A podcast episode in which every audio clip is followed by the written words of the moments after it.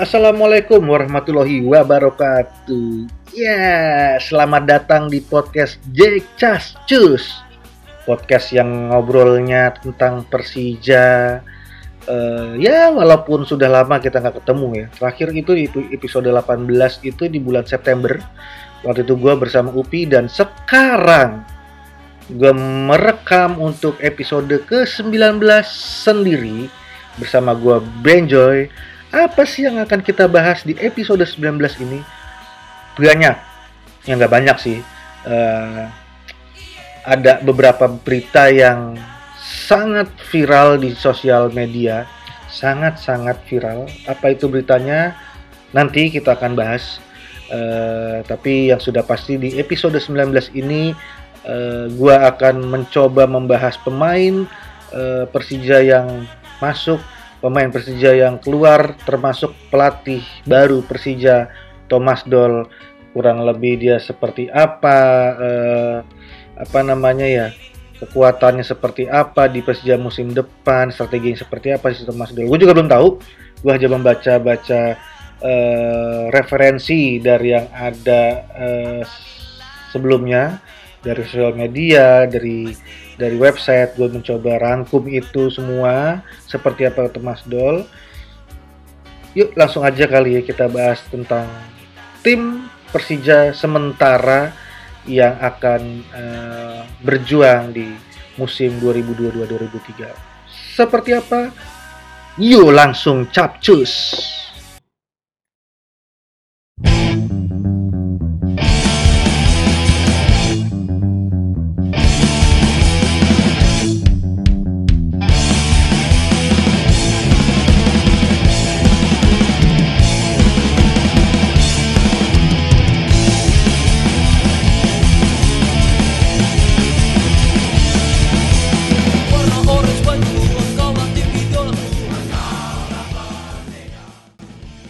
Yuk, balik lagi langsung aja uh, eh, gue bahas kali ya pemain-pemain baru Persija uh, yang masuk uh, ke Persija. Yang pertama ada Firza Andika, kemudian ada Hanif Syahbandi dan ada Hansa Muyama. Tiga pemain itu kayaknya nama-nama yang mentereng ya. Kalau bisa gue bilang ya Hani Syahbandi dan Hasan Muyama di Jawa Timur udah uh, seperti apa ya di klubnya mereka tuh? Udah seperti jenderal. Hani Syahbandi di lapangan tengah jenderal di lapangan tengah sedangkan Hasan Muyama eh, jenderal di uh, backnya persebaya. Belum lagi kedua pemain tersebut juga dipanggil timnas sama-sama mempunyai uh, apa ya taring di timnas ini yang gue uh, tunggu-tunggu dari dari dari pemain baru Persija di musim depan. Karena uh, dari tiga pemain yang masuk aja uh, merupakan pemain-pemain timnas yang cukup menarik dilihat uh, kolaborasinya dengan uh, atau kerjasamanya dengan Rico Simanjuntak dengan Osvaldo Hai yang memang uh, kemarin sudah di sounding uh, akan bertahan Uh, kemudian uh, akan ada pemain-pemain muda lainnya, pemain muda nasionalnya seperti Abimanyu, Rio Fahmi. Gimana ya ngeliat uh, racikan uh, Mas Dol tahun depan itu kayaknya oke. Okay. Gue mau coba bahas uh, Firza Andika dulu nih, karena jujur uh, uh, gue jarang baca atau jarang mencari tentang Firza Andika uh, eh, gue mau mencoba uh, coba cari tahu dulu dari dari dari dari yang uh, eh, gue baca. Karena Firza ini tapi gue suka sama dia karena dia terakhir itu uh, sempet kolaps dengan Dewa 19 ya nggak sih? Ah, salah buka bacaan gue malah Firza penyanyi gue nih Sebentar, Firza. Oke, Firza Andika. Oke, Firza Andika. Masih muda nih. Kelahiran 11 Mei 1999. Wow. Taurus. Cowok-cowok Taurus tuh Oke, coba-coba Taurus tuh. Firza Andika, usia 22 tahun, tinggi 1,67 ya, eh, segualah lumayan eh, lumayan tinggi dan lumayan pendek. Oke, sebelumnya uh, di Persikabo ya Firza Andika ini dan tim nasional sepak bola Indonesia. Cukup menarik karena posisinya di back. Di mana back itu tadi yang gue bahas ada Hansa Muyama dan sebelumnya ada yang bertahan ada Ryuji Utomo. Gak tahu kenapa ya dengan Ryuji Utomo walaupun uh, di musim kemarin banyak blunder dan bermain cenderung kasar tapi gue masih tetap suka sih sama Ryuji ini. Gue merasa Ryuji ini bisa dijadikan atau bis sebenarnya nggak sama sih ya. Mirip-mirip lah. Ramosnya Indonesia kalau kata orang-orang uh, kayak gue. Karena ya dari potongan rambut dari cara main kasarnya juga sama. Jadi uh, gue sangat yakin pertahanan Persija di musim depan cukup cukup solid dengan adanya Firza Andika Hansa Muyama dan Ryuji di mana backup backupnya ya Maman masih masih oke okay lah di, di di musim terakhir Maman walaupun sudah berumur cuman uh, stamina uh, masih oke okay dia dengan Tony Sucipto. Selanjutnya gue akan membahas uh, Hansa Muyama kayaknya udah pada tahu lah ya. Dia bekas dari persebaya pemain nasional juga. Hanif Syahbandi Hanif Syahbandi ini kalau yang gua baca-baca atau gua mencari tahu dia sebetulnya nih sudah lama di Persija. Tapi memang uh, baru banget jalannya ya sekarang. Oke, Hanif Syahbandi umurnya 25 tahun. Masih usia emas dalam sepak bola umur 25 tahun. Posisinya gelandang e, bertahan ya gelandang bertahan semacam DMC kali ya. Defensive midfield center itu. Oke okay sih gelandang pengangkut air kalau kata komentator. Itu dia yang menjadi kekurangan Persija di musim 2021-2022 karena Persija tidak mempunyai pemain seperti Sandi Sute.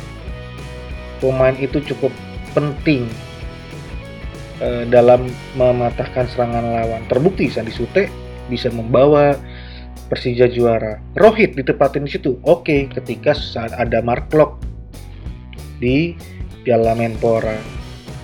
Gak ada Mark Klok di depannya Rohit, mati.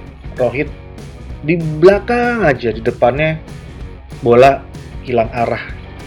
Mau atau ke sebelah kiri uh, Novri kebanyakan cedera. Sebelah kiri kemarin makanya siapa sih? Osvaldo. Tapi ada gap yang terlalu jauh di antara mereka. Dengan adanya Hanif Syahbandi kalau misalkan Rohit dipertahankan bisa jadi mereka akan bermain sejajar atau Rohit sedikit ke depan menjadi playmaker. Itu cukup oke okay sih. Oke langsung gue mencoba membahas Mas Dol atau Thomas Dol. Ini cukup bagus nih Thomas Dol. Karena CV-nya cukup menereng. Mas Dol ini cukup menereng. Gue mencoba baca di uh, akunnya Persija Jakarta kemarin ada ada ada membahas Mas Dol ini cukup mentereng karena beliau uh, pernah di Borussia Dortmund uh, bersama Jurgen Klopp pernah di Hamburg. Cukup lama di Hamburg sih. Eh, kemudian pernah di Apple. Pernah juga di mana nih? Apple ya? Apple Apple udah. Di Hannover 96 Al Hilal. Uh, cukup bagus dengan total selama melatih uh, Mas Dol ini ada 224 kemenangan, 102 imbang, dan 118 kekalahan. Gue sih membayangkan uh, Mas Dol ini uh, kayak Jurgen Klopp ketika masuk Liverpool lah ya. Liverpool saat itu Brendan Rodgers masih uh, di papan atas enggak papan tengah enggak tengah-tengah lah Brandon Rodgers ketika Klopp masuk situasi berubah uh, pelatih Jerman ini gue lagi suka beberapa pelatih Jerman uh, yang ada di liga-liga Eropa khususnya karena mempunyai strategi menyerang. Seperti CV-nya Mas Dol ini uh, dia lebih suka dengan permainan menyerang. Itu yang bisa dilihat dari Liverpool uh, bermain.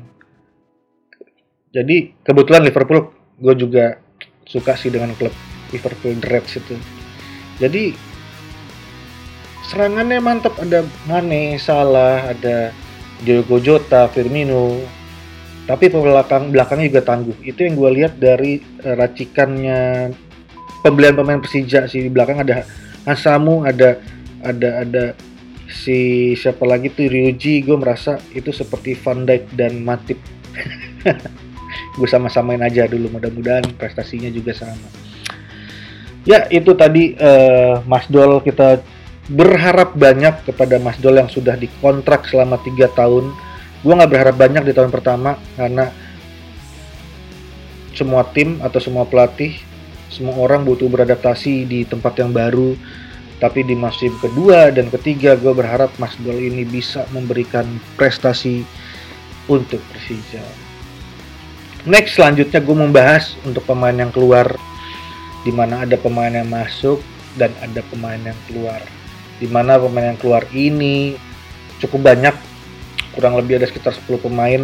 Gue cuma mau membahas pemain atau mensounding pemain-pemain yang mempunyai nama besar uh, dan pandangan gue terhadap pemain tersebut. Yang pertama adalah uh, Ihsan Kurniawan. Gue gue sebenarnya agak gedek sih dengan Ihsan ini karena mainnya nggak jelas.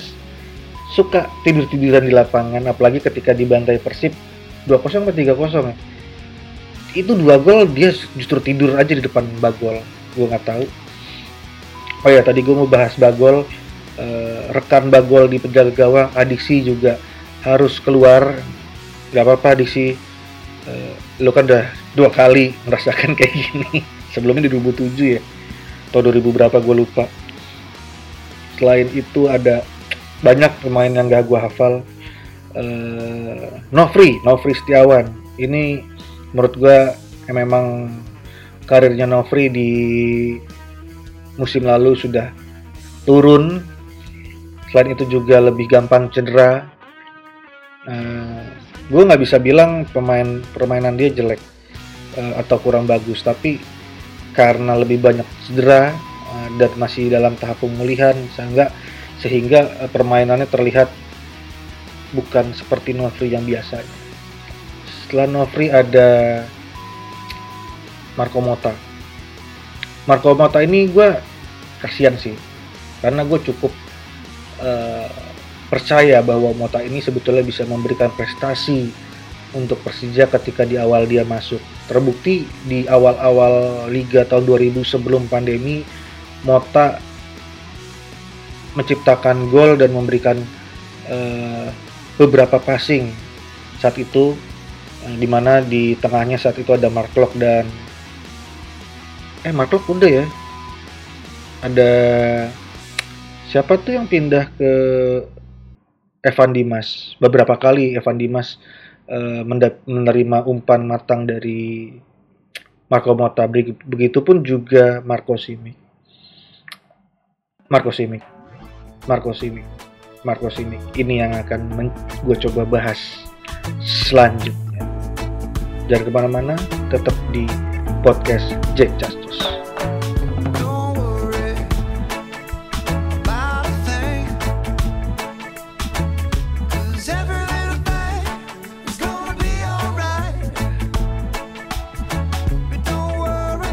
I said don't worry about the thing Cause Rico on the wings See me feel alright Aduh Marco Simic.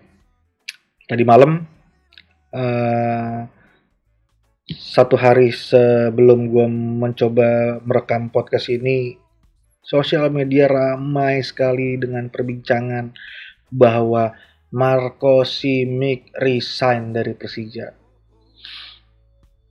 Kaget. Kaget banget. Karena Marco Simic itu kontraknya sampai 2023. Gue sangat yakin pemain asing yang dipertahanin sama Persija selain uh, kontraknya juga masih panjang ya Simic ya sampai 2023 tapi gue sangat yakin dua pemain asing yang dipertahanin oleh uh, manajemen itu adalah Marco Simic dan Makan Konate. Tapi statement dia di Instagram, di sosial media pribadinya Simic itu sungguh-sungguh membuat Indonesia terkejut. Terkaget-kaget. Ya bayangin, Marco Simic yang sudah memberikan prestasi luar biasa untuk Persija, sudah memberikan puluhan gol, ratusan uh, menit bermain untuk Persija, memberikan trofi untuk Persija. Ternyata ini menurut yang bersangkutan ya tidak digaji selama setahun. Gue nggak tahu apakah benar memang tidak digaji ataukah memang ini ya menurut gue nih sih statement yang bola liar ya karena sampai saat ini manajemen Persija tidak memberikan klarifikasi ataupun tanggapan ataupun sanggahan mengenai berita simik tersebut. Bahkan bahkan nggak ada. Bahkan pemain Persija pun memberikan apa ya support support untuk Marco Simic dengan kata-kata yang menurut gue sedikit memancing. Tidak ada sanggahan juga dari Persija. Gue nggak tahu harus membela Simic ataupun Persija karena Simic adalah satu-satunya pemain selain BP dan dan dan Andri Tani yang gue follow IG-nya. Gue selama ini sangat tidak suka atau menghindari mengfollow IG pemain bola. Hanya tiga pemain yang gue follow, Simic, Bagol, dan BP jadi gue sangat respect dengan Simic atau gue harus membela uh, Persija sampai kapan pun gue akan membela Persija tapi gue tidak tahu yang mana yang benar ataupun yang salah.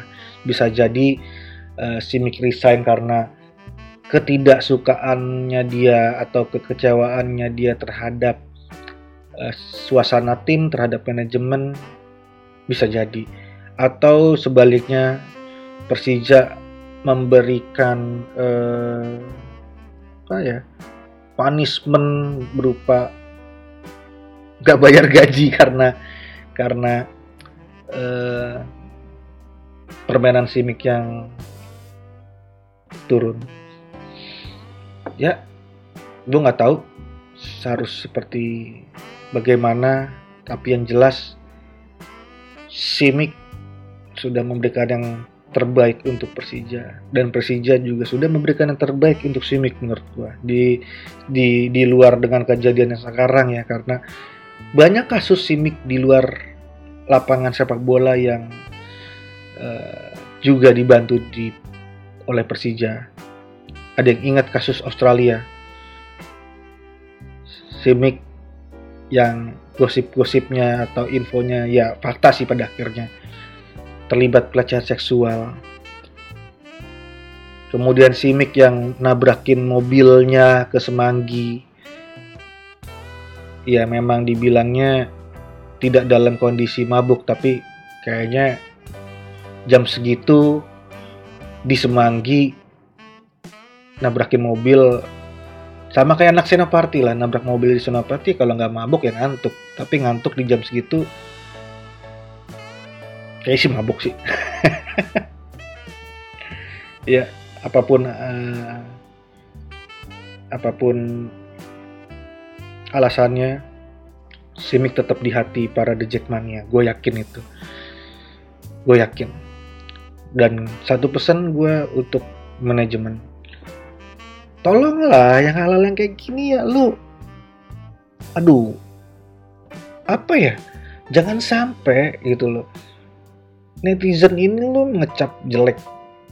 Lu gitu loh. Lu udah punya banyak haters haters lu tuh banyak banget. Satu kota di Jawa Barat itu haters lu. Bahkan hampir satu provinsi Jawa Barat tuh haters lu Persija. Tapi jangan ya udahlah karena lu banyak haters jangan sampai lu membuat blunder-blunder yang sebetulnya ini bisa lu redam gitu lu redam dengan apa? Lu komunikasi dong dengan si Mik karena kasus Simic ini yang gue tahu sih memang karena ada selama pandemi itu gaji selama pandemi selama satu tahun Simic merasa tidak digaji karena banyak klub Liga 1 mengacu pada keputusan PSSI PSSI yang mem, mem, membuat peraturan selama pandemi itu maksimal 25% gaji karena kan tidak ada liga ya. Ya, ini ada yang bilang setelah itu dibalikin ke klub masing-masing. Nah, kalau dibalikin ke klub masing-masing, lu ngomongin kagak nih ke Simic atau ke semua pemain lu? Gitu loh. Komunikasi. Lu punya manajer, lu punya ah, lu tuh punya tim yang lengkap sebetulnya. Tapi kenapa lu tidak ada komunikasinya ke pemain? Sehingga ada pemain, pemain yang kecewa membuat statement yang mengejutkan, nama lu lagi yang jelek. Persija nunggak gaji. Apa emang jangan-jangan prestasi lu cuma nunggak gaji terus kali ya? Ya nggak tahu lah. Tapi yang jelas gue cukup sedih dengan lepasnya Simic karena Rico dan Simic itu ibarat kumbang dan bunga ibarat timba dan tali, eh, ember dan timba, sumur dan ember, ibarat pupuk dan tanaman, ibarat apalagi lah. Banyak sekali kenangan-kenangan mereka berdua, Riko, Simik, Simik, Riko. Jadi kalau lu nya ngelihat Simik udah pasti kebayang Riko di pikiran lu. Lu ngelihat Riko udah ke bayang sih Nick di angan-angan lu. Semoga akan banyak simik bukan akan banyak simik nanti striker banyak dong. Akan ada pengganti simik yang lebih top chair lebih memberikan prestasi untuk Persija dan jangan lupa Persija juga harus berbenah. Manajemen juga harus berbenah urusan kayak gini tuh jangan sampai keulang lagi Ya, sekian dulu curhatan dari gua di podcast Jack Casus. Persija dan Simik selesai sudah cerita cintanya. Tapi jangan sampai pemain ke-12 Persija keluar karena The Jack Mania yang paling besar, paling banyak, paling militan, paling kreatif untuk support Persija. Sampai ketemu lagi di episode selanjutnya. Assalamualaikum warahmatullahi wabarakatuh.